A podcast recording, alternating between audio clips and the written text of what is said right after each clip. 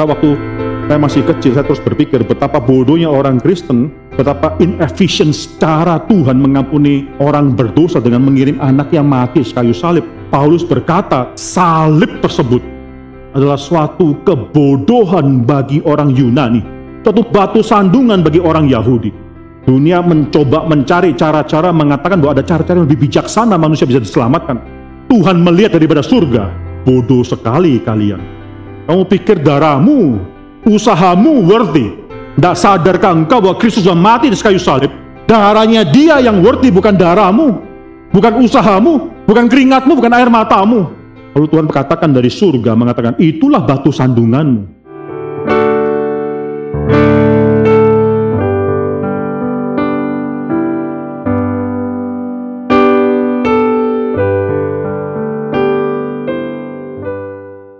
Surah hari ini saya akan membawa kita untuk masuk dalam pembicaraan atau pemberitaan firman Tuhan dari Ibrani pasal yang ke-9. Mari kita buka Ibrani pasal yang ke-9. Ini suatu Ibrani pasal 9 ini suatu hal yang demikian penting. Penulis Ibrani itu demikian briliannya.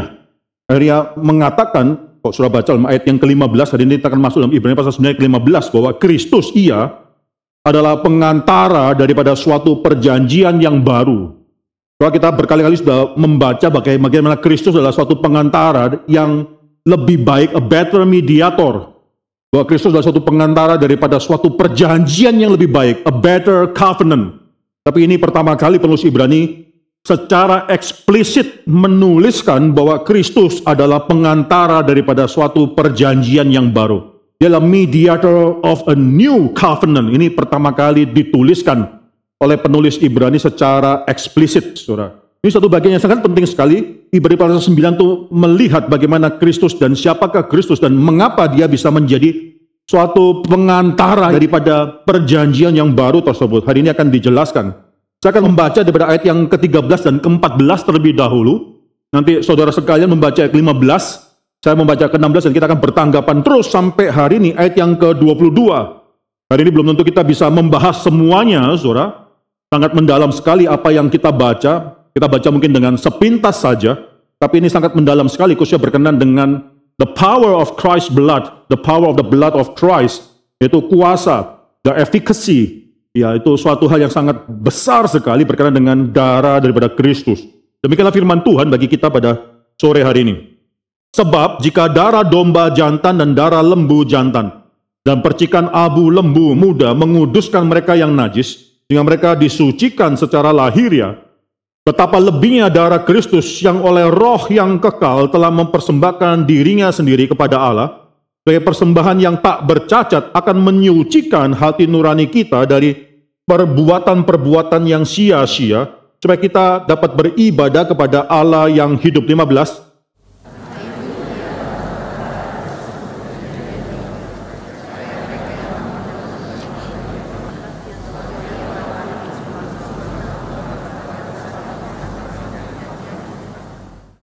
Sebab di mana ada wasiat, di situ baru diberitahukan tentang kematian pembuat wasiat itu.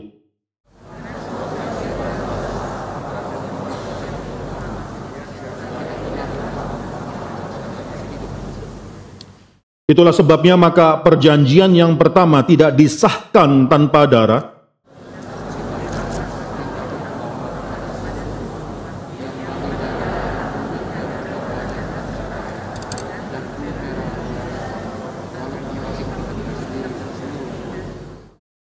Sambil berkata, inilah darah perjanjian yang ditetapkan Allah bagi kamu.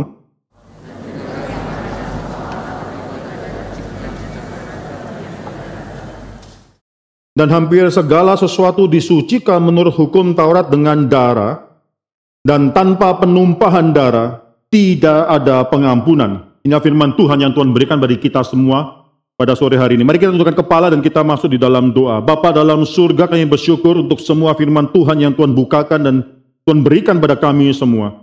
Sekarang ya Tuhan, bukan hanya mata kami yang membaca, tapi biarlah pikiran kami dan hati kami dibukakan sehingga firman Tuhan itu mendapatkan tempat yang gembur dalam hidup kami. Apa pun yang kami lakukan di dalam masa lalu, kami salibkan semua di dalam salib daripada Kristus. Darah daripada salib Kristus itu demikian berharga di mata Tuhan Demikian berharga di mata kami. Dan bukan hanya darah daripada Allah anak yang kekal, tapi itulah satu darah yang demikian memiliki kuasa, bahkan bisa merubah, menyucikan hati nurani kami. Kami menyerahkan semua, hamba menyerahkan semua orang yang sudah hadir dan siap mendengarkan firman Tuhan.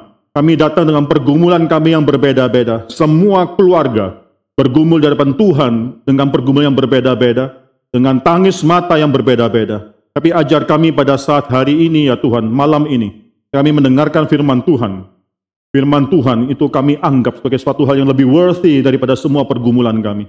Bentuklah kami sesuai dengan kehendak daripada Tuhan.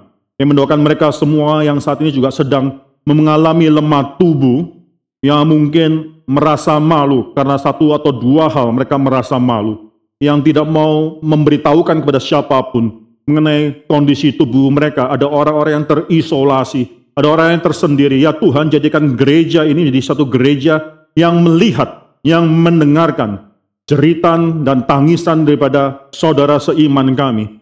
Tidak ada satu orang pun yang tersendiri ketika jemaat Tuhan saling mendoakan satu dan yang lainnya. Tidak satu orang pun yang tersendiri bahkan di dalam pergumulan dosa mereka ya Tuhan. Ketika jemaat Tuhan berdoa untuk mereka dan terlebih lagi karena Tuhan mediator tersebut dan mediator yang masih melakukan pelayanan-pelayanan ibadah bagi kami semua. Misalkan pemberitaan firman Tuhan ini dalam nama Tuhan Yesus Kristus kami berdoa dan mengucap syukur. Amin.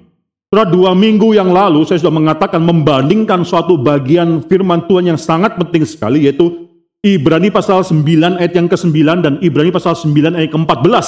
Sudah perhatikan Alkitab saudara-saudara harus menggarisbawahi Alkitab yang demikian penting. Dalam Ibrani pasal 9 ayat ke-9 itu dikatakan bahwa seluruh imam-imam Seluruh umat Israel melalui imam-imam dan khususnya imam besar itu mempersembahkan korban, tapi yang mereka lakukan, korban yang mereka persembahkan itu tidak dapat menyempurnakan hati nurani mereka yang melakukannya. Tapi ada suatu batas, apa pun yang mereka lakukan tidak bisa menyempurnakan hati nurani. Di sini saudara ayat ke-14 demikian berbeda mengatakan betapa lebihnya darah Kristus yang dia persembahkan melalui oleh roh yang kekal mempersembahkan dirinya kepada Allah. Ini suatu salvation keselamatan yang dikerjakan oleh the triune God. Ya di sana mengatakan bahwa itu menyucikan hati nurani kita. Tuhan ditambahkan di sana daripada perbuatan-perbuatan yang sia-sia. Minggu lalu sudah katakan dua minggu yang lalu saya katakan ini suatu perbuatan-perbuatan agama atau dalam bahasa Indonesia-nya atau bahasa aslinya itu perbuatan-perbuatan yang mati, dead works. Itu suatu hal yang tidak bisa menyelamatkan mereka. Suatu perbuatan yang mati yaitu berdasarkan apa yang sudah dilakukan oleh Kristus. Maka usaha apa pun yang dilakukan oleh manusia itu tidak bisa menyelamatkan mereka karena apa yang sudah dilakukan oleh Kristus. Surat translation atau terjemahan lain lebih unik mengatakan di sini bahwa itu yang dilakukan oleh Kristus darah tersebut persembahan dirinya kepada Allah itu menyucikan hati nurani kita dari perbuatan-perbuatan yang membawa kita kepada kematian. Itu terjemahan yang lainnya. Bukan cuma perbuatan-perbuatan sebuah perbuatan-perbuatan yang mati tapi kalau kita terus-menerus melakukan hal tersebut Kristus sudah datang dan sudah memberikan darahnya dan kita masih melakukan perbuatan-perbuatan agama tersebut maka penulis Ibrani mengatakan itu semua perbuatan akan membawa engkau kepada kematian. Itu bukan cuma perbuatan yang mati saja, tapi perbuatan yang akan membawa kita kepada kematian. Maka penulis Ibrani sangat jelas di sini, sangat berani mengatakan mengenai supremasi daripada darah Kristus. Surah ini suatu hal yang sangat penting sekali yang kita bisa mengerti bagaimana perbedaan the power of Christ blood dibandingkan dengan darah daripada binatang-binatang yang dipersembahkan di dalam perjanjian lama. Dan mengulangi lagi mengapa darah Kristus itu memiliki kuasa yang demikian besar. Jadi saudara perhatikan di sini, itu bisa merubah hati nurani kita. Saudara, tidak ada satu orang pun yang akhirnya bisa datang kepada Tuhan karena mereka tahu bahwa mereka adalah orang yang berdosa. Hati nurani mereka mencegah mereka untuk datang kepada Tuhan. Saudara masih ingat saya membabarkan mengenai perbedaan daripada tempat yang kudus dan tempat yang maha kudus. Itu ada suatu tirai yang memisahkan kedua tempat tersebut. Kita perhatikan dalam Ibrani pasal 9 ke-8 sekali lagi. Dalam Ibrani pasal 9 ayat ke-8, saudara bisa melihat di sana. Dengan ini roh kudus menyatakan bahwa jalan ke tempat yang kudus itu belum terbuka, bukan akan tertutup selama-lamanya, tapi belum terbuka. Selama kemah yang pertama itu masih ada. Kemah yang pertama adalah tempat di mana para imam melakukan tugas keimaman mereka, tugas agama mereka. Selama tempat kemah pertama, tempat kudus itu masih ada, itu berarti tira itu masih ada.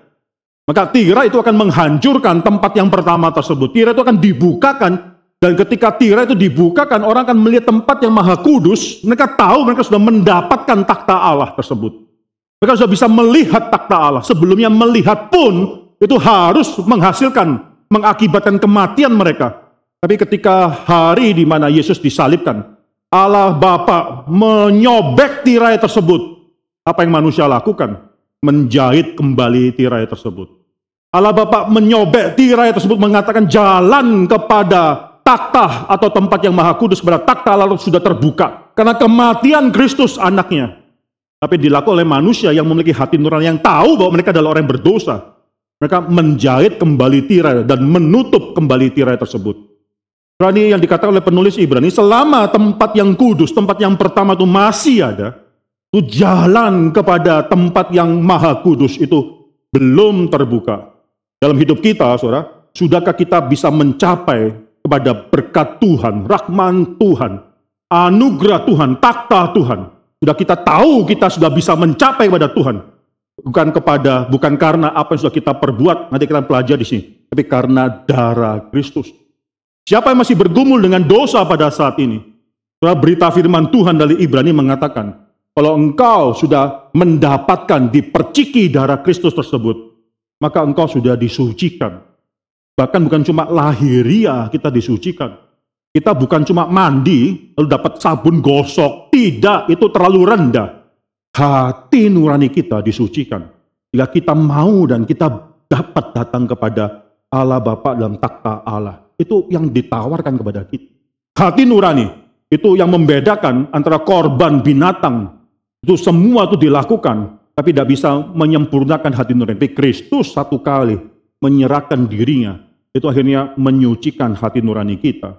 So, kalau hal yang kedua yang kita perhatikan di sini, kalau saya perhatikan ayat ke-9 ayat ke-14, jadi saya akan tambahkan dua hal yang penting berkenaan dengan perbandingan ayat 9 dan ayat ke-14. Maka saudara bisa melihat dalam ayat yang ke-9 di sini, maka di sana ada suatu usaha aktif yang dilakukan oleh orang-orang. Mereka memberikan persembahan korban tapi korban tersebut tidak dapat menyempurnakan hati mereka yang mempersembahkannya. Itu perkataan daripada penulis Ibrani. Maksudnya apa? Itu akhirnya mereka melakukan hal tersebut, tapi apa yang mereka lakukan itu tidak dapat membersihkan, menyempurnakan hati nurani mereka yang mengerjakan atau memberikan korban. Perhatikan dalam ayat ke-14. Maka di sini sangat menarik sekali. Di sana dikatakan Kristus yang telah mempersembahkan suatu persembahan yang tak bercacat kepada Allah, dia yang aktif melakukan, memberikan persembahan tersebut. Tapi dampaknya kita yang mendapatkan penyucian hati nurani. Tidak perlu lakukan apa-apa dalam hidup kita. Pembenaran daripada Tuhan itu bukan karena kita sudah melakukan sesuatu, mentuntaskan sesuatu di depan Tuhan. Tidak. Pembenaran daripada Tuhan adalah karena Kristus sudah mentuntaskan hal tersebut. Dengan kata lain, saudara penulis Ibrani sedang mengajarkan di sini doktrin imputation of Christ righteousness. Yang dia lakukan satu kali itu menyucikan hati nurani kita. Saudara ketika membandingkan ayat 9 ayat ke-14, saudara harus membandingkan suatu hal ini. Mereka memper, melakukan, mempersembahkan korban yang tidak bisa menyempurnakan hati nurani mereka yang mempersembahkan korban tersebut. Tapi Kristus menyerahkan dirinya satu kali sebagai satu korban yang sempurna kepada Bapa oleh Roh Kudus maka di sana kita yang tidak melakukan apa-apa ini, kita akhirnya disucikan hati nurani kita. Soalnya kekristenan bukan bicara mengenai apa yang sudah aku lakukan, kekristenan bukan bicara mengenai apa yang sudah aku lakukan untuk menguduskan diriku, aku membuat aku layak di hadapan Tuhan. Semua usaha-usaha tersebut dikatakan oleh penulis Ibrani dalam ayat ke-14 adalah usaha-usaha yang membawa kita kepada kematian. Kalau kita mencoba untuk menguduskan diri kita supaya kita lebih layak di hadapan Allah, itu satu konsep yang sudah terbalik. Allah mengatakan, your blood, your tears, semua keringatmu is not worthy at all.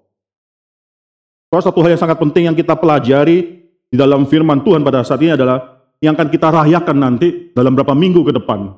Jumat Agung, Paskah, itu dari asalnya itu daripada kisah mengenai Paskah, domba Paskah yang disembeli di dalam Passover-nya orang Yahudi.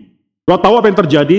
Satu malam sebelum orang Yahudi akhirnya keluar, akhirnya itu Firaun kapok dan membiarkan, mengizinkan orang Yahudi orang Israel keluar daripada tanah Mesir, tanah perbudakan Mesir. Karena dia tidak tahan untuk bisa berhadapan dengan kuasa daripada Yahweh yang hidup tersebut. Saudara tahu apa yang terjadi satu malam sebelumnya? Itu akhirnya orang-orang Israel itu akhirnya menyembelih kambing domba. Dan akhirnya membubuhkan darah itu di atas daripada pintu gerbang rumah mereka. Saudara, ditaruh darah di sana.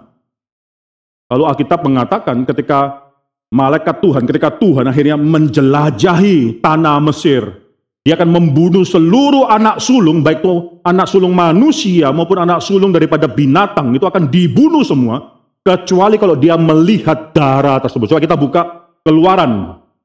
Ya, kita buka keluaran pasal yang ke-12. Saya akan bacakan bagi saudara ayat yang ke-12 dan ayat yang ke-13. Keluaran pasal yang ke-12. Ya, demikianlah firman Tuhan. Saya baca ayat 12 13, sebab pada malam ini aku akan menjalani tanah Mesir dan semua anak sulung dari anak manusia sampai anak binatang akan kubunuh dan kepada semua Allah di Mesir akan kujatuhkan hukuman. Akulah Tuhan.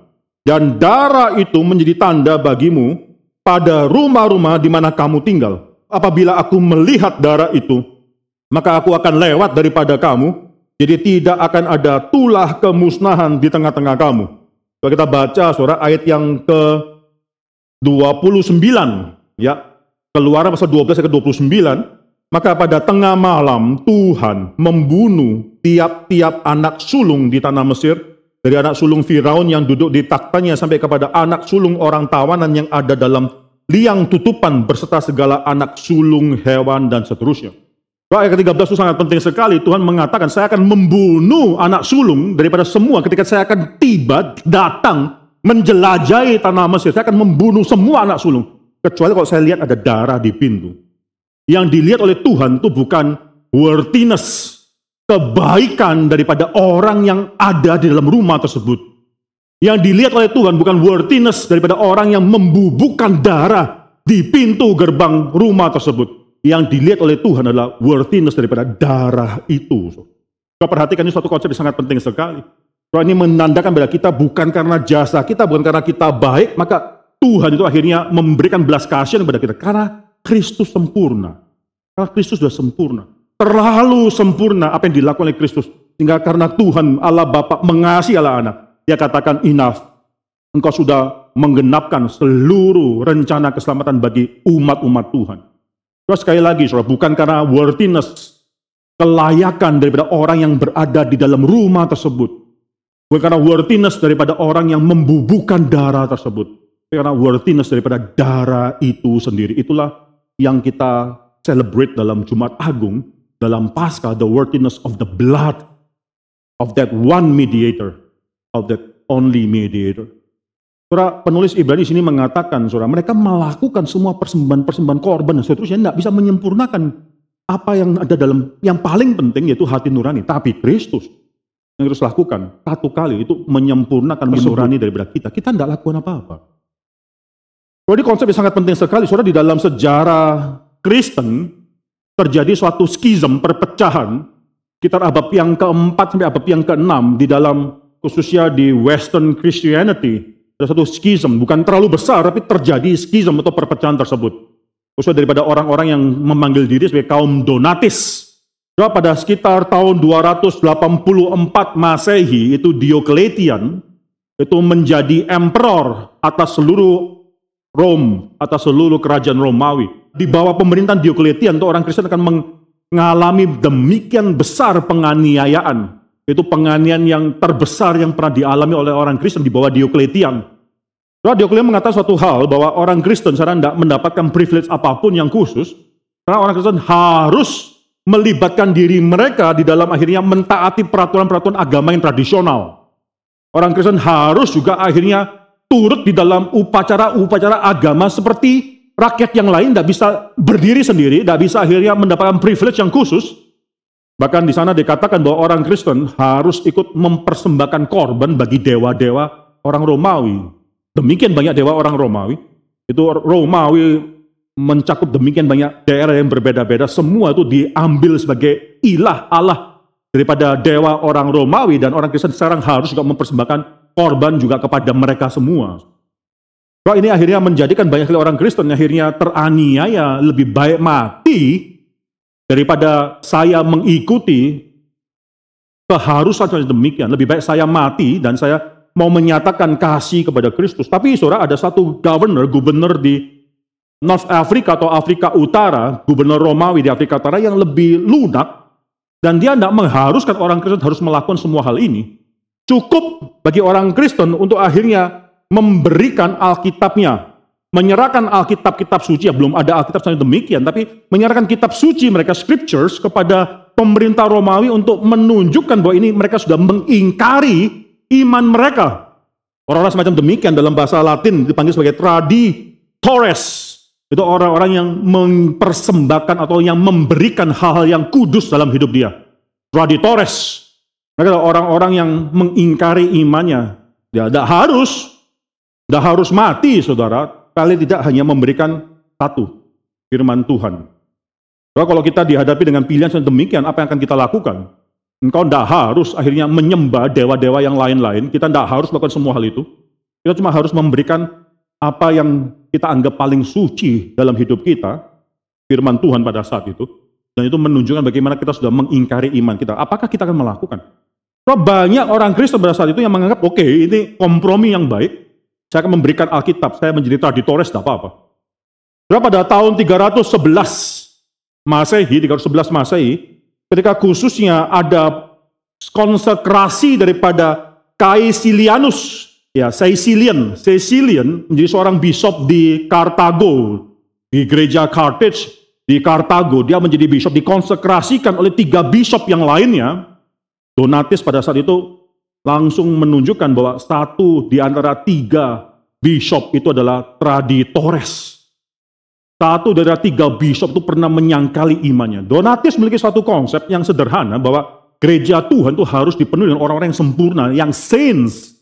Gereja Tuhan itu harus, apalagi klergi atau klerus, pelayan-pelayan gereja itu haruslah adalah orang-orang yang tidak memiliki dosa. Mereka adalah orang yang lebih mirip Tuhan daripada mirip manusia. Gereja Tuhan harus dipenuhi klergi khususnya klerus adalah orang-orang yang memiliki suatu taraf rohani yang lebih daripada orang-orang lainnya. Ini suatu tuntutan daripada daripada Donatis. Maka di sana dia mengatakan bahkan klergi ini ketika mereka melakukan pelayanan mereka, mereka melakukan doa atau memberikan sakramen, saudara, itu menjadi valid karena mereka apa yang menjadi karakter hidup mereka. Kalau mereka adalah orang yang kudus, maka apa yang mereka lakukan itu kudus. Donatis mengatakan tidak boleh Cecilian, Cecilian itu menjadi bishop di Kartago, tidak sah konsekrasi dia sebagai bishop di Kartago, karena salah satu daripada orang yang mengkonsekrasikan dia, bishop, adalah traditores yang pernah menyangkal imannya. Padahal Cecilian menjadi seorang yang sangat penting sekali, saudara. Kalau saya perhatikan itu di dalam konsili pertama di Nikea, itu konsili pertama menghasilkan itu pengakuan iman Nikea yang Nikea Konstantinopel tahun 381, tapi konsili pertama adalah tahun 325. Tahun 381 itu Nikea Konstantinopel, pengakuan iman itu kita bacakan ketika kita melakukan sakramen perjamuan kudus. Kalau itu ditulis dalam bahasa Yunani, banyak sekali gereja-gereja daripada gereja yang Greek speaking church, pada satu belum ada perbedaan antara gereja Roma Katolik dan Eastern Orthodox, belum ada perbedaan tersebut. Tapi banyak sekali Greek speaking church yang hadir dalam konsili yang pertama 325 Masehi. Bahwa Cecilian itu adalah satu di antara lima bishop daripada gereja barat Latin yang hadir di dalam konsili yang pertama tersebut. Dia adalah satu di antara lima. Cuma lima daripada gereja Latin yang datang pada konsili pertama tersebut Cecilian itu salah satunya. Tapi Donatis tidak menganggap sebagai satu bishop yang sah karena yang mengkonsekrasikan dia salah satu adalah traditores yang pernah menyangkal iman. Terus sebenarnya kalau kita pikirkan apa salahnya kalau ada suatu tuntutan bagi mereka yang melayani di mimbar, misalnya bagi saya yang melayani perjamuan kudus, ada suatu tuntutan bahwa saya harus hidup kudus di hadapan Tuhan. Itu kan suatu yang lumrah. Apa salahnya daripada Donatis, sehingga akhirnya Donatis dianggap bidat, saudara. Coba perhatikan di sini, Donatis yang dianggap bidat, Donatis mengatakan suatu hal, itu ex opere operantis. Dalam bahasa latinnya, ex opere operantis. Maksudnya apa? Suatu hal yang dilakukan, misalnya pada saat itu konsekrasi daripada bishop Kartego pada saat itu Cecilian menjadi efficacious, memiliki efikasi, saudara. Atau dalam bahasa Indonesia-nya apa? Mujarab atau itu benar-benar bisa terjadi kalau yang melakukan tergantung daripada pelakunya. Saudara itu ex opere operantis tergantung daripada saya yang melakukan perjamuan kudus, menjadi satu hal perjamuan kudus yang bisa menguatkan kita semua, kalau saya sempurna. Kalau saya adalah orang yang memang bukan orang yang sedang terus-menerus bergumul dalam dosa, kalau saya ada kesempurnaan tersebut, itu ex opere operantis, itu dianggap bidat pada zaman itu, ada gereja memilih suatu terminologi yang berbeda, ex opere operato, bukan ex opere operantis. Suatu hal yang dilakukan itu jadi efficacious, itu karena the work performed, karena hal itu sendiri bukan the worker performing the work, bukan tergantung kepada orangnya. Kalau saya bisa mengatakan di atas mimbar, kira saya memberitakan firman Tuhan, saya memberikan sakramen, baik itu sakramen baptisan maupun sakramen perjamuan kudus. Saya bukan orang yang sempurna. Saya tidak bisa menuntut kesempurnaan tersebut. Tapi on the other hand, malaikat yang tidak berdosa tidak layak melakukan perjamuan kudus tidak layak memberikan sakramen karena dia tidak pernah mengerti apa itu arti curahan darah Kristus bagi orang berdosa. Dia tidak pernah mengerti. Maka di sini soal kita dalam sejarah akhirnya gereja menganggap yang benar adalah ex opere operato. Walaupun ada dosa yang pasti bukan bergumul terus-menerus dalam dosa tersebut, tidak. Tapi ada pergumulan daripada dosa, ada ketidaksempurnaan, itu lebih tepat. Walaupun ada ketidaksempurnaan, tapi sakramen yang dilakukan, yang diberikan, itu menjadi sempurna karena sakramen itu adalah milik daripada Kristus. Bukan milik daripada yang memberikan sakramen. Pemberitaan firman Tuhan, jadi pemberitaan firman Tuhan yang bisa menguatkan jemaat. Karena ketika saya berdiri atas mimbar ini, saya menjadi pemberita firman Tuhan daripada Kristus. Firman Tuhan ini bukan milik saya. Semua pelayanan kita itu bisa menjadi sempurna di hadapan Tuhan karena kita melayani Kristus. Bukan kita sedang melakukan pelayanan karena sayanya. Wah, ini sangat berbeda sekali kalau saya pertanyakan saudara saya, apa salahnya donatis? Salahnya sangat fatal sekali, yaitu berkenan dengan pribadi dan karya Kristus, bahwa darah Kristus di atas kayu salib itu tidak sempurna. Harus ditambah dengan kesempurnaan manusia. Baru sakramen itu bisa menjadi sempurna. Baru akhirnya sesilian dan pentabisan konsentrasi pada session bisa sempurna. Mengapa? Karena yang melakukan sempurna. Tidak tergantung pada siapa yang melakukan. Ini sangat penting sekali. Saya perhatikan dalam ayat ke-9, ayat ke-14, saudara bisa membedakan. Dalam ayat ke-14 itu tidak bicara mengenai siapa yang mempersembahkan. Yang mempersembahkan adalah Kristus. Kalau dia sudah melakukan hal itu, yang disempurnakan adalah kita. Hati nurani kita yang disempurnakan. Kita pasif, kita tidak melakukan apa-apa. Tapi kita mendapatkan faedah daripada apa yang Kristus lakukan. Itu sangat penting sekali. Soal yang ketiga, yang saudara perhatikan di sini, dalam ayat ke-14 itu bicara mengenai satu hal yang penting. Bukan saja kita hati nurani kita sudah disucikan agar kita lagi dipisahkan daripada perbuatan-perbuatan yang sia-sia dead works atau perbuatan-perbuatan yang membawa kepada kematian. Ya, itu itu kita dipisahkan, kita dipisah, kita hati nurani kita disucikan. Tapi ada satu kalimat yang penting yang saudara harus lihat di sini, Kalimat yang penting yaitu kalimat daripada supaya, kalimat terakhir, supaya kita dapat beribadah kepada Allah yang hidup. Tidak ada penyucian daripada hati nurani yang tidak membawa kita pada ibadah, tidak boleh ada. Soal di sini ibadah adalah dalam bahasa lainnya itu bukan cuma ibadah worship seperti kita kita lakukan pada saat ini, tapi serving, melayani Allah yang hidup. Tidak ada penyucian hati nurani yang tidak membawa kita yang merindukan untuk bisa melayani Allah yang hidup. Itu tidak mungkin. On the other hand, tidak boleh ada orang yang melayani Allah yang hidup, tapi yang hati nurani tidak pernah dibereskan di hadapan Tuhan. Tidak boleh. Kedua hal ini terikat. Engkau kita semua hati nurani disucikan supaya kita dapat melayani Allah yang hidup itu. Itu maksud daripada Ibrani pasal 9 ayat 14. Saya minta semua perhatikan hal yang penting di bawah ini. Kalau engkau sudah mengaku dosamu sudah dihapuskan oleh Kristus. Kalau engkau sudah mengaku depan Tuhan bahwa engkau adalah orang yang memang sudah disucikan hati nurani. Engkau bisa masuk takhta yang mulia tersebut dalam tempat yang maha kudus. Mari melayani Allah yang hidup itu. Kita bisa masuk bukan di pelataran, bukan juga di tempat yang pertama tempat kudus. Kita bisa masuk bahkan dalam tempat yang maha kudus dan kita melayani Allah kita yang hidup. Surah ini suatu hal yang sangat penting sekali. Perbuatan mati tidak bisa melayani Allah yang hidup. Tapi Kristus yang mati dan bangkit memungkinkan kita meninggalkan semua perbuatan mati supaya kita bisa melayani Allah yang hidup. Ini permainan kata yang sangat luar biasa sekali di sini. Coba perhatikan ayat 15. Ayat 15 sekali lagi ini pertama kali penulis Ibrani mengatakan suatu kalimat yang sangat penting sekali bahwa Kristus adalah pengantara mediator daripada suatu perjanjian yang baru, mediator of the new covenant. Saudara ketika dia mengatakan perjanjian, covenant, new covenant bahasa Inggris juga pakai kata covenant. Lalu tiba-tiba dalam ayat yang ke-16 dia mengganti dengan kata diateke atau mengganti dengan kata warisan, ahli waris.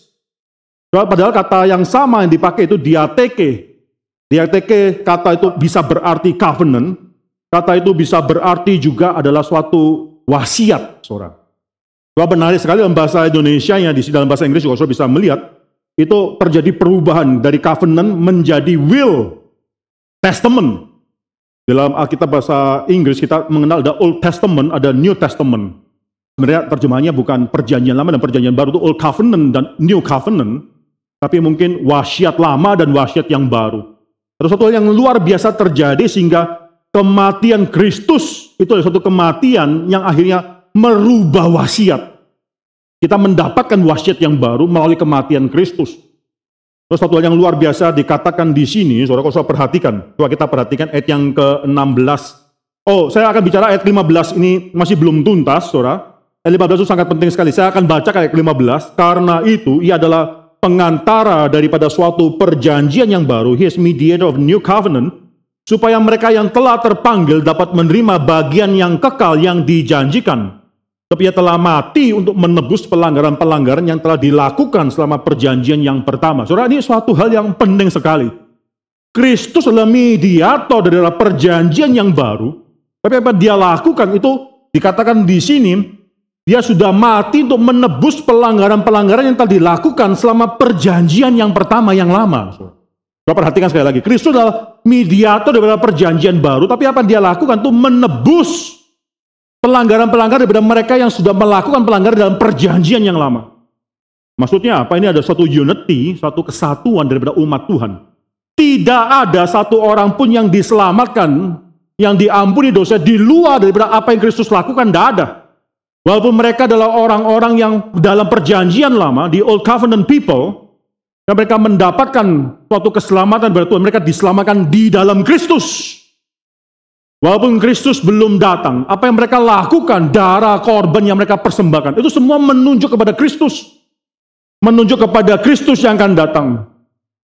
Nanti Musa sudah akan menciprakan seluruh, seluruh dalam hukum Taurat. Dikatakan semua itu harus diperciki dengan darah. Kalau satu kalimat dalam Ibrani pasal 9 ke 22, saudara perhatikan, Ibrani 9 20 itu terlalu penting. Hampir segala sesuatu disucikan menurut hukum Taurat dengan darah dan tanpa penumpahan darah. Tidak ada pengampunan. Tanpa penumpahan darah, tidak ada pengampunan. Saudara, di sini saudara bisa melihat satu hal yang sangat penting sekali. Yang kali kita saya berpikir dulu, kenapa kekristenan demikian bodoh? Tidak ada agama, tidak ada filsafat, tidak ada satupun yang mengatakan bahwa keselamatan manusia berdosa itu karena Allahnya mati bagi kita. Tidak ada. Tidak ada satu agama pun yang mengajarkan hal itu. Selalu agama, seluruh agama itu selalu mengajarkan not the Christ who is worthy, tapi pekerjaanmu worthy. Engkau bisa menyelamatkan dirimu. Engkau bisa akhirnya menyenangkan hati Tuhan. Lakukan sesuatu yang baik supaya pada akhirnya semoga nanti engkau diterima di sisi Allah. Itu semua agama mengajarkan hal itu. Tidak ada satu agama yang nggak mengajarkan bahwa manusia harus melakukan suatu hal yang baik. Bukan berarti bahwa kekristenan tidak mengajarkan hal itu, tapi kekristenan mengajarkan bahwa perbuatan baik kita pun adalah suatu hal yang jijik di mata Tuhan. Maka Kristen mengajarkan bukan perbuatan kita yang baik, tapi the blood of Christ itu yang worthy. Saudara, nanti kita bisa membahas di sini bahwa hukum Taurat segala sesuatu harus disucikan menurut hukum Taurat dengan darah. Itu darah siapa yang dimaksud oleh penulis Ibrani di sini? Tanpa penumpahan darah tidak ada pengampunan. Saudara, ini penulis Ibrani saya percaya bicara mengenai darah Kristus. Kalau saya sebelum bicara mengenai wasiat, nanti itu wasiat adalah poin yang sangat penting sekali. Saya mau membawa kita untuk melihat suatu chiastic structure, suatu struktur kiastis di dalam Ibrani pasal yang ke-9. Supaya saudara bisa mengerti ayat yang ke-18 sampai dengan ayat yang ke-22 ada suatu struktur kiastik. Saudara tahu struktur kiastik, mungkin saudara pernah mendengarkan mengenai hal ini. Itu biasanya ada tulisan ayat pertama disusul dengan ayat yang terakhir. Itu saudara bisa lihat ada suatu paralel A dan A prime, misalnya B dan B prime, C dan C prime. Ada suatu kemiripan, tiba-tiba di tengah itu menunjukkan suatu inti daripada semua pembicaraan. Orang yang gampang, orang dulu saya rasa lebih gampang daripada orang sekarang, lebih mudah menemukan struktur kiastik. Orang zaman sekarang mungkin tidak bisa melihat kita waktu membaca ini kita tidak tahu ada struktur kiastik di dalamnya. Orang zaman dahulu bisa melihat dan mereka langsung tahu apa yang dimaksudkan, apa inti daripada berita daripada penulis Ibrani pada yang kita baca pada perikop kita baca pada hari ini. Coba perhatikan struktur kiastik dari ayat yang ke-18 itu ada satu kalimat di sana ayat ke-18 menandakan bahwa tidak disahkan tanpa darah. Coba kita baca ayat 18 ya. Itulah sebabnya maka perjanjian yang pertama tidak disahkan tanpa darah. Itu keluar satu kalimat. Tanpa darah itu nggak menjadi satu hal yang sah.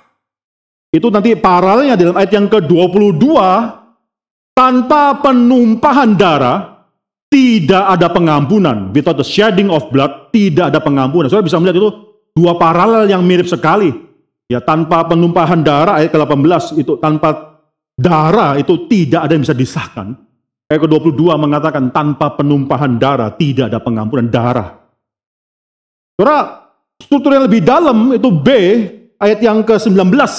Usah baca di sana, surah ayat ke-19 mengatakan bahwa Musa memberitahukan semua perintah, terjemahan lain adalah Musa memberitahukan semua perintah sesuai dengan hukum Taurat. Dengan semua perintah hukum Taurat, Musa memberitahukan semua perintah sesuai dengan hukum Taurat. Semua perintah yang sesuai dengan hukum Taurat kepada seluruh umat. Saudara bisa melihat paralelnya di sana adalah dalam ayat yang ke-22, Saudara. Ya 22 mengatakan hampir segala sesuatu disucikan menurut hukum Taurat. Saudara lihat ya paralel kata di sana itu keluar, Saudara. Ya Musa memberitahukan kepada seluruh umat itu berkenaan dengan perintah-perintah Tuhan sesuai dengan hukum Taurat. Dan dikatakan dalam ayat ke-22 hampir segala sesuatu disucikan menurut hukum Taurat. Kita bisa melihat lebih mendalam lagi C dan C prime. Ya, di dalam ayat yang ke 19. Ayat 19 saudara bisa melihat di sana. Musa memberitahukan semua perintah sesuai dengan hukum Taurat kepada seluruh umat. Lalu ia mengambil darah anak lembu dan darah domba jantan serta air dan bulu merah dan hisop. Lalu Musa memerciki, saudara itu Musa sprinkle the blood kepada kitab pada seluruh umat Musa memerciki semua hal tersebut. Nanti paralelnya semua ada di dalam ayat yang ke-21 dan juga kema dan semua alat untuk ibadah diperciki oleh Musa. Saudara bisa melihat Musa memerciki, sprinkle the blood upon everything. Dalam kitab kepada juga kepada umat dan seterusnya tempat ibadah dan seterusnya.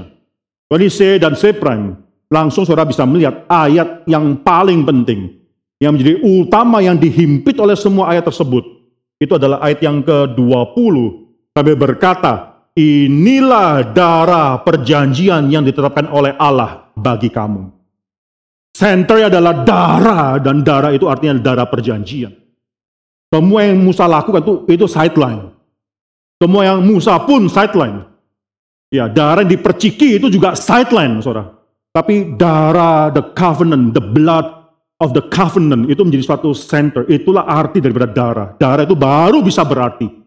baru bisa dipakai untuk dipercikan, baru segala sesuatu akhirnya disucikan dengan darah. Itu karena darah itu adalah darah daripada covenant. Sampai di sini surah inti kita bisa melihat, kita bisa membuka ini perkataan daripada keluaran yang kita bisa lihat dalam keluaran pasal yang ke-24. Coba kita buka keluaran pasal yang ke-24.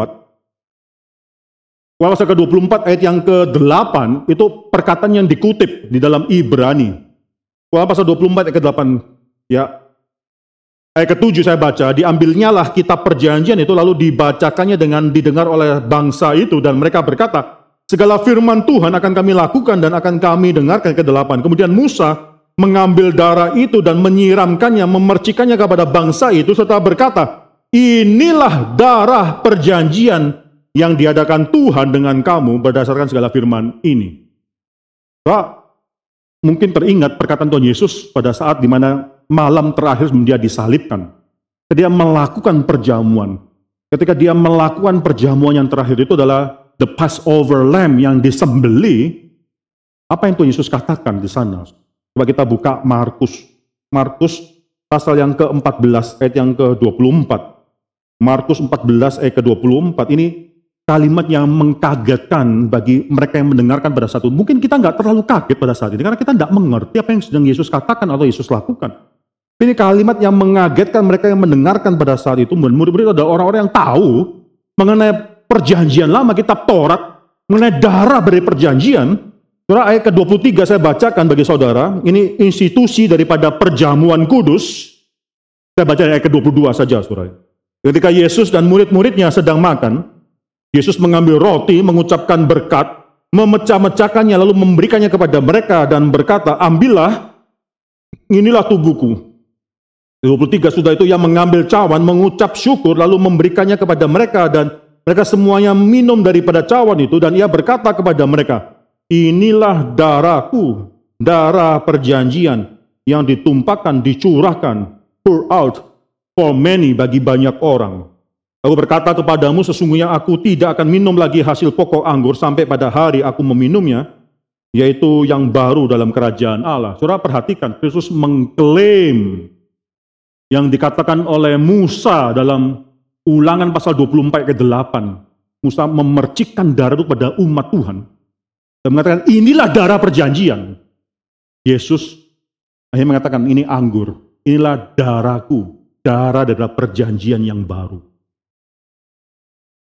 Saudara itu luar biasa sekali. Pada saat ini saudara bisa melihat darah yang dimaksudkan di sini adalah darah bukan cuma darah binatang, bukan. Semua itu berarti karena sedang merujuk kepada Kristus. Darah yang dimaksudkan di sini adalah darah yang ditumpahkan tanpa penumpahan darah Kristus, tidak ada pengampunan. Sayangnya apa yang terjadi dalam sejarah orang Israel, mereka seharusnya dipersiapkan untuk melihat bahwa mereka sedang menyembeli binatang. Ketika mereka disunatkan, itu bahkan keluar darah. Seluruh perjanjian lama itu banyak bicara mengenai darah. Dosa ini ada korban ini, dosa itu ada korban yang lainnya. Semua bicara mengenai darah, saudara.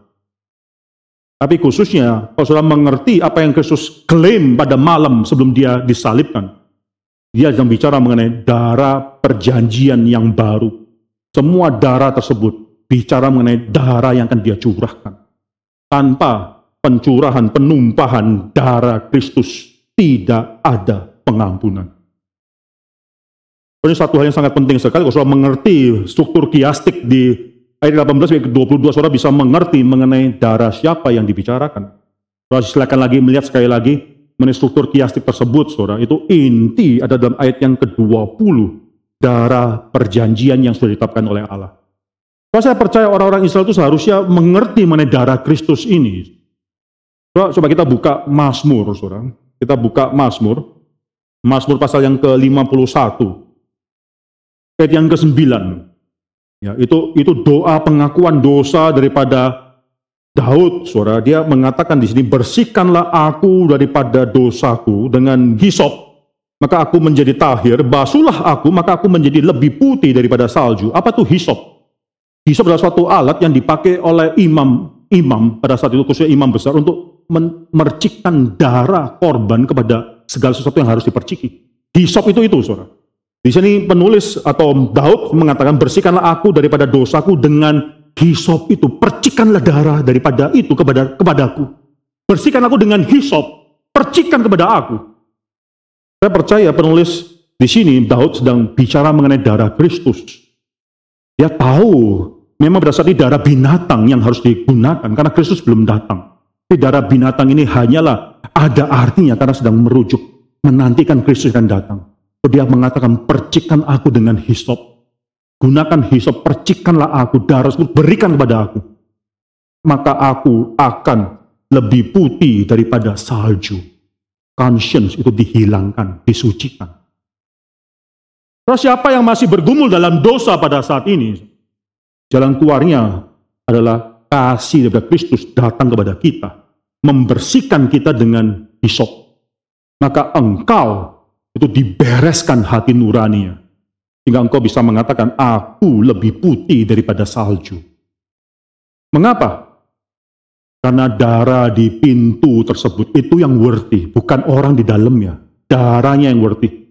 Tuhan Yahweh melewati tanah Mesir dan dia akan melihat darah tersebut dan dia akan melewati tidak mendatangkan hukuman pada orang-orang di dalam.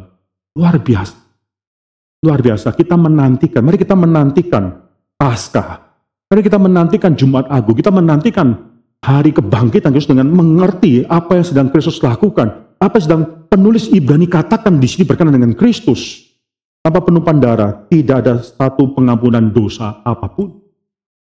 Nah, waktu saya masih kecil, saya terus berpikir betapa bodohnya orang Kristen, betapa inefficient cara Tuhan mengampuni orang berdosa dengan mengirim anak yang mati kayu salib. Paulus berkata dalam satu Korintus, dia mengatakan bahwa kematian Kristus, salib tersebut adalah suatu kebodohan bagi orang Yunani. Suatu batu sandungan bagi orang Yahudi. Siapa yang mau tahu, yang mau mengerti bahwa pengharapan kita itu adalah Mesias kita, itu mati di kayu salib, itu bodoh sekali. Orang Yahudi melihat salib, melihat Mesias disalibkan, itu batu sandungan bagi mereka.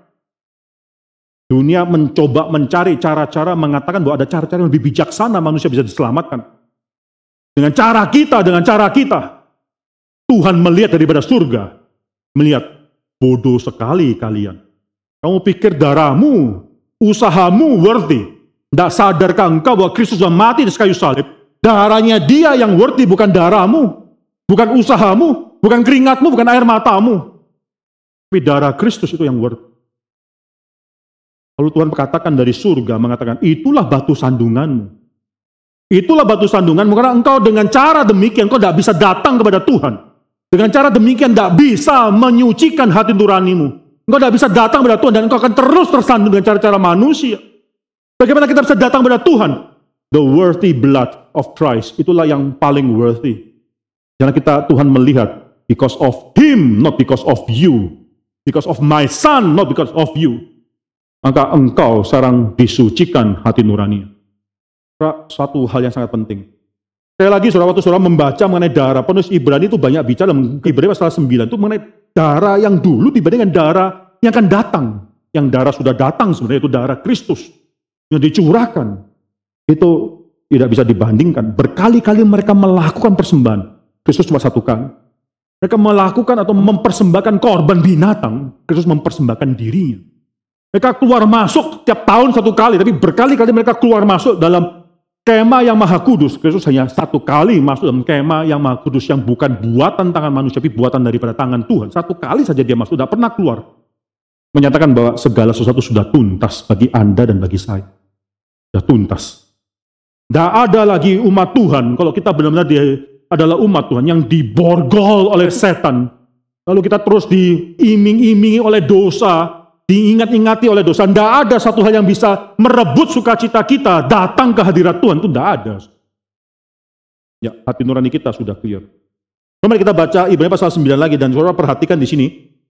Saudara lihat dari ayat yang ke-16 kita baca 17 sampai ayat yang ke-22. 16 17 saja, Saudara. Ya, 16 17 saja cukup. Kita baca bersama-sama, Saudara. 2 3. Sebab di mana ada wasiat di situ harus diberitahukan tentang kematian pembuat wasiat itu, karena suatu wasiat barulah sah kalau pembuat wasiat itu telah mati, sebab ia tidak berlaku selama pembuat wasiat itu masih hidup. Coba perhatikan ini satu ayat yang penting, dua ayat sangat penting sekali. Kalau tiba-tiba kata diateke tersebut yang tadi dipakai dalam etik 15 bicara mengenai perjanjian, covenant. Sekarang kata diateke tersebut dirubah dan diterjemahkan sebagai suatu wasiat. Mengapa ada perubahan ini? Bukan ada perubahan karena satu kata dalam bahasa Yunani tersebut diateke tersebut itu bisa diartikan dua hal. Dalam bahasa Inggrisnya itu merubah nuans nuans daripada kata tersebut dari covenant menjadi will di testament. Old Testament, New Testament itu banyak bicara bukan mengenai perjanjian lama, covenant, Old Covenant and New Covenant. Memang bicara mengenai hal tersebut, tapi khusus yang mengenai di wasiat yang lama dan wasiat yang baru. Kalau saya perhatikan ayat ke-16, sebab di mana ada wasiat, di situ harus diberitahukan tentang kematian pembuat wasiat itu. Karena suatu wasiat barulah sah kalau pembuat wasiat itu telah mati. Sebab ia tidak berlaku selama pembuat wasiat itu masih hidup. Kan kita bicara mengenai Old Testament and New Testament, Old Covenant and New Covenant. Maka kita pertama hal pertama kita bisa artikan daripada ayat ke-16 17 adalah pembuat wasiat itu adalah Kristus sendiri. Jadi kristologi yang sangat penting, Kristus itu disamakan dengan Allah. Orang Yahudi hanya tahu bahwa Allah yang membuat covenant dengan mereka. Tapi di sini dikatakan bahwa Allah tersebut yang membuat covenant itu akhirnya mati. Allah Bapak tidak pernah mati di atas kayu salib. Allah anak yang mati. Sekarang di sini penulis Ibrani sudah mengatakan satu hal yang sangat penting sekali. Yang mati tersebut itu adalah Allah, pribadi Allah kedua Allah anak tersebut. Dia yang membuat wasiat sebagai Allah ditunggal sebagai oknum kedua daripada Allah Tritunggal. Dia yang membuat wasiat dan dia mati. Itu suatu hal yang sangat penting sekali bagi dalam teologi daripada penulis Ibrani. Itulah mengapa sekarang ada perjanjian baru, ada New Testament. Mengapa? Karena yang membuat wasiat dikatakan sudah mati. Yang membuat wasiat sudah mati berarti wasiatnya sekarang boleh dibacakan. Ini hal yang kedua, saudara. Kalau kita bicara mengenai wasiat, maka kita langsung mengerti selain ada pembuat wasiat, yaitu Kristus anak Allah tersebut, saya percaya membuat wasiat tersebut adalah Allah tunggal. Dan Kristus ketika dikatakan mati sekali salib, Allah tunggal pribadi kedua Allah tunggal mati, pembuat wasiat tersebut juga mati sekali salib. Itu pembuat wasiat. Tapi sekarang hal yang kedua yang harus kita bicarakan adalah penerima wasiat. Siapa yang menerima wasiat ini? Itu semua yang ada di dalam New Covenant. Kita semua yang menerima wasiat yang diberikan tersebut. Dan ini suatu hal yang sangat penting sekali itu menandakan pada kita bahwa kita yang menerima wasiat itu adalah ahli waris. Kita menerima wasiat ini bukan cuma sembarangan orang, kita adalah ahli waris. Kita baca Roma pasal yang ke-8, Saudara. Roma pasal 8 saya bacakan dari ayat yang ke-14, Saudara. Semua orang yang dipimpin roh Allah adalah anak Allah. 15, sebab kamu tidak menerima roh perbudakan yang membuat kamu menjadi takut lagi, tapi kamu telah menerima roh yang menjadikan kamu anak Allah. Oleh roh itu kita berseru, ya Aba, ya Bapa. Roh itu bersaksi bersama-sama dengan roh kita bahwa kita ini adalah anak-anak Allah, dan jika kita adalah anak-anak, maka kita juga adalah ahli waris. Maksudnya orang-orang yang berhak menerima janji-janji Allah yang akan menerimanya bersama-sama dengan Kristus, yaitu jika kita menderita bersama-sama dengan Dia, supaya kita juga dipermuliakan bersama-sama dengan Dia. Pak, penulis Ibrani bukan hanya bicara mengenai penulis wasiat, tapi juga penerima wasiat. Bahwa kita semua adalah ahli waris daripada suatu perjanjian yang besar yang Tuhan janjikan kepada kita. Kita adalah ahli warisnya. Maka saudara, tidak ada anak Tuhan yang akhirnya masih terbelenggu oleh dosa itu tidak ada. Karena sekarang kuasa dosa itu sudah dipatahkan. Tuhan sudah memberikan suatu wasiat yang baru dan kita sudah menerima kita adalah ahli warisnya tersebut. Yang ketiga, kalau sudah bicara mengenai wasiat, bukan bicara cuma mengenai penulis wasiat, penerima wasiat. Tapi kita harus bicara yang ketiga, isi wasiatnya tersebut. Itu harus dibicarakan. Benefit apa yang kita dapatkan melalui isi wasiat? Maka di sini saudara, tidak ada satu wasiat pun yang di dalam dunia yang bisa membuat kita lebih bersuka cita daripada kita sudah menjadi ahli waris yang menerima wasiat yang ber New Testament. Saya menceritakan hidup daripada Julius Caesar. Dan saya akan mengakhiri firman Tuhan dengan hal ini, saudara. Julius Caesar adalah seorang yang pernah dibunuh mati karena dibunuh mati oleh salah satu konspiratornya itu adalah anak angkatnya sendiri, yaitu Brutus, saudara. Marcus Brutus itu akhirnya merasa bahwa Julius Caesar itu terlalu berambisi dan sangat bahaya sekali bagi kerajaan Roma. Maka Marcus Brutus, anak angkatnya di Senat bersama dengan orang-orang di beberapa orang di Senat, itu suatu hari menyimpan, menyembunyikan pedang. Ketika Julius Caesar tidak sadar apa yang akan sedang di belakang dia, lalu menusuk Marcus Brutus, menusukkan dan memimpin semua, nggak semua, so, tapi banyak sekali orang senat yang juga akhirnya berkonspirasi bersama-sama membunuh Julius Caesar. Kalimat terakhir pada Julius Caesar adalah ketika dia melihat yang menusukkan pedang itu, salah satu adalah Marcus Brutus, anak angkatnya. Dia berkata kepada Brutus, engkau juga Brutus. Matanya melihat kaget melihat bagaimana anak angkatnya itu sudah mengkhianati dia. Kemudian dia mati.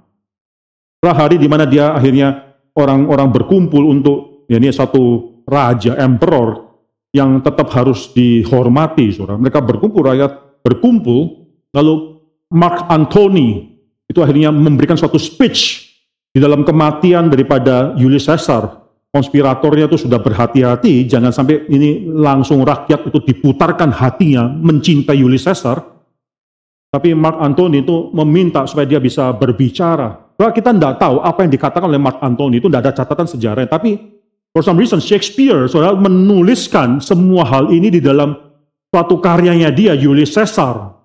Pidato daripada Mark Antony. Mark Antony pidato itu demikian bagus. Itu akhirnya merubah rakyat Romawi untuk akhirnya mencintai Julius Caesar. Dia mengatakan, rakyat Romawi, kalau engkau memiliki telinga, sekarang dengarkanlah aku. If you let me, earn me, uh, your ears, dengarkan apa yang aku katakan. Dia mengatakan, dia memuji daripada Julius Caesar, bagaimana Julius Caesar itu segala yang dia lakukan itu demi Romawi. Ambisi dia memang besar, tapi demi Romawi. Dia tidak berambisi untuk dirinya sendiri. Itu perkara dari Mark Antony. Saudara. Dan dia mengatakan bagaimana Julius Caesar itu selalu memperhatikan orang yang miskin, rakyat yang miskin. Bahkan pernah ditawarkan tiga kali mahkota menjadi absolute emperor di atas seluruh Roma, tapi dia menolak tiga kali tersebut. Itu Mark Antony katakan. Orang terus mendengarkan dan konspirator yang membunuh Julius Caesar ini mulai cemas-cemas. Ini mau ke mana Mark Antony bicara. Kalau Mark Antony menunjukkan tubuh Julius Caesar itu masih ada tusukan-tusukan bekas pedang yang masuk dalam tubuhnya. Satu persatu dia katakan ini tusukan daripada Brutus. Tusukan daripada siapa? Tusukan daripada siapa? Dia tunjukkan satu persatu, saudara. Mengatakan bahwa senat yang membunuh orang besar ini Lalu Mark Antony mengatakan, saya menemukan satu will daripada Julius Caesar. Di klosetnya dia, tempat mungkin di tempat di rumah dia, saya menemukan, pagi ini saya menemukan ada suatu tulisan yang masih disil oleh Julius Caesar. Itu apa yang menjadi his last will. Apakah engkau mau mendengarkan? Lalu semua rakyat berkata, saya mau mendengarkan, kami mau mendengar. Lalu dia katakan, kalau engkau ada air mata, sekarang simpan air matamu untuk apa yang akan buka. Lalu dia buka seal tersebut. Dan dia mulai bacakan, Julius Caesar punya last will. Dan ketika dibaca oleh Mark Antony itu merubah hati daripada orang-orang Roma pada saat itu. Dia katakan, inilah will daripada Julius Caesar dibacakan. Semua warga Romawi mendapatkan sejumlah uang yang setara dengan dua setengah bulan gaji mereka. Tempat-tempatku, semua tempat yang pernah ku tinggali, semua adalah untuk rakyat daripada Romawi. Wah, semua orang baru tahu Julius Caesar itu mencintai rakyat sedemikian rupa. Mereka mencintai Julius Caesar. Terus sampai setelah Mark Antony selesai membacakan will daripada Julius Caesar menurut daripada Shakespeare, itu akhirnya akhirnya seluruh rakyat itu akhirnya mendorong senator-senator yang pernah berkonspirasi membunuh Julius Caesar. Dikatakan bahwa senator tersebut akhirnya semua keluar daripada kota Romawi, lari terbirit-birit, ketakutan. Mereka mencintai Julius Caesar. Saudara, will, wasiat daripada satu orang yang sudah mati itu demikian powerful. Apalagi will daripada Tuhan yang membuat will tersebut mati dan kemudian bangkit kembali. Itu masih berlaku sampai sekarang. Apa yang mau saya katakan? Saudara, isi daripada will itu bukan cuma saudara mendapatkan dua setengah kali lipat gaji saudara atau bukan mendapatkan dua setengah kali, dua setengah bulan gaji saudara-saudara dapatkan. Bukan cuma itu, itu terlalu temporal. Yang saudara dapatkan adalah persekutuan kembali dengan Tuhan. Maka saudara bisa masuk takhta Allah yang maha kudus. Untuk selama-lamanya.